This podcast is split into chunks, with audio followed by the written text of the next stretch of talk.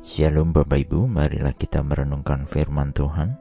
Sebelumnya mari kita berdoa. Tuhan kami hendak merenungkan firman-Mu, Roh Kudus pimpinlah kami. Di dalam Tuhan Yesus kami berdoa. Amin.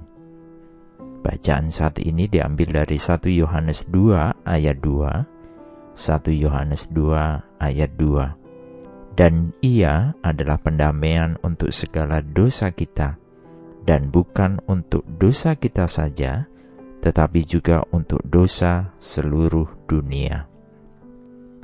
Kita sering mendengar istilah kesempatan tidak datang dua kali.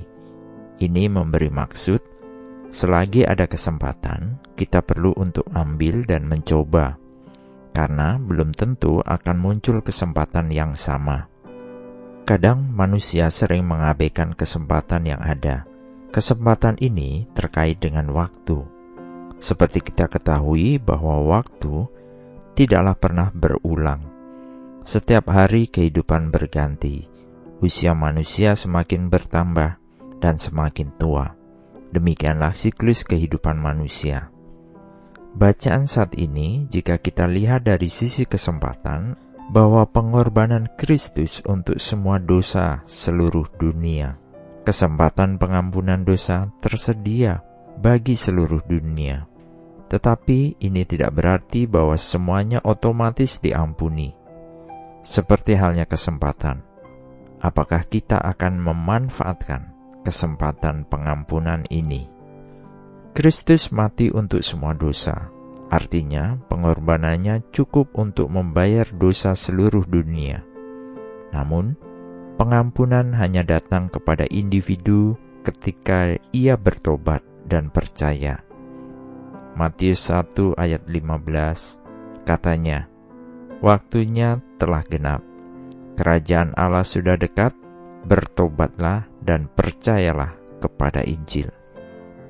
Sebelum kita menerima dengan iman keselamatan Tuhan di dalam Kristus, kita masihlah orang yang tinggal di dalam dosa dan jika mereka mengabaikan kesempatan tersebut, mereka mati dalam ketidakpercayaan dan mati dalam dosa mereka. Tetapi mereka yang percaya kepada Kristus, mereka mati di dalam Kristus dan semua dosa diampuni. Roma 5 ayat 1 tertulis, Oleh sebab itu, sejak kita telah dibenarkan oleh iman, kita berdamai dengan Allah melalui Tuhan kita, Kristus Yesus. Kita memperoleh pendamaian dengan Allah. Dosa telah membuat jurang pemisah antara manusia dengan Allah.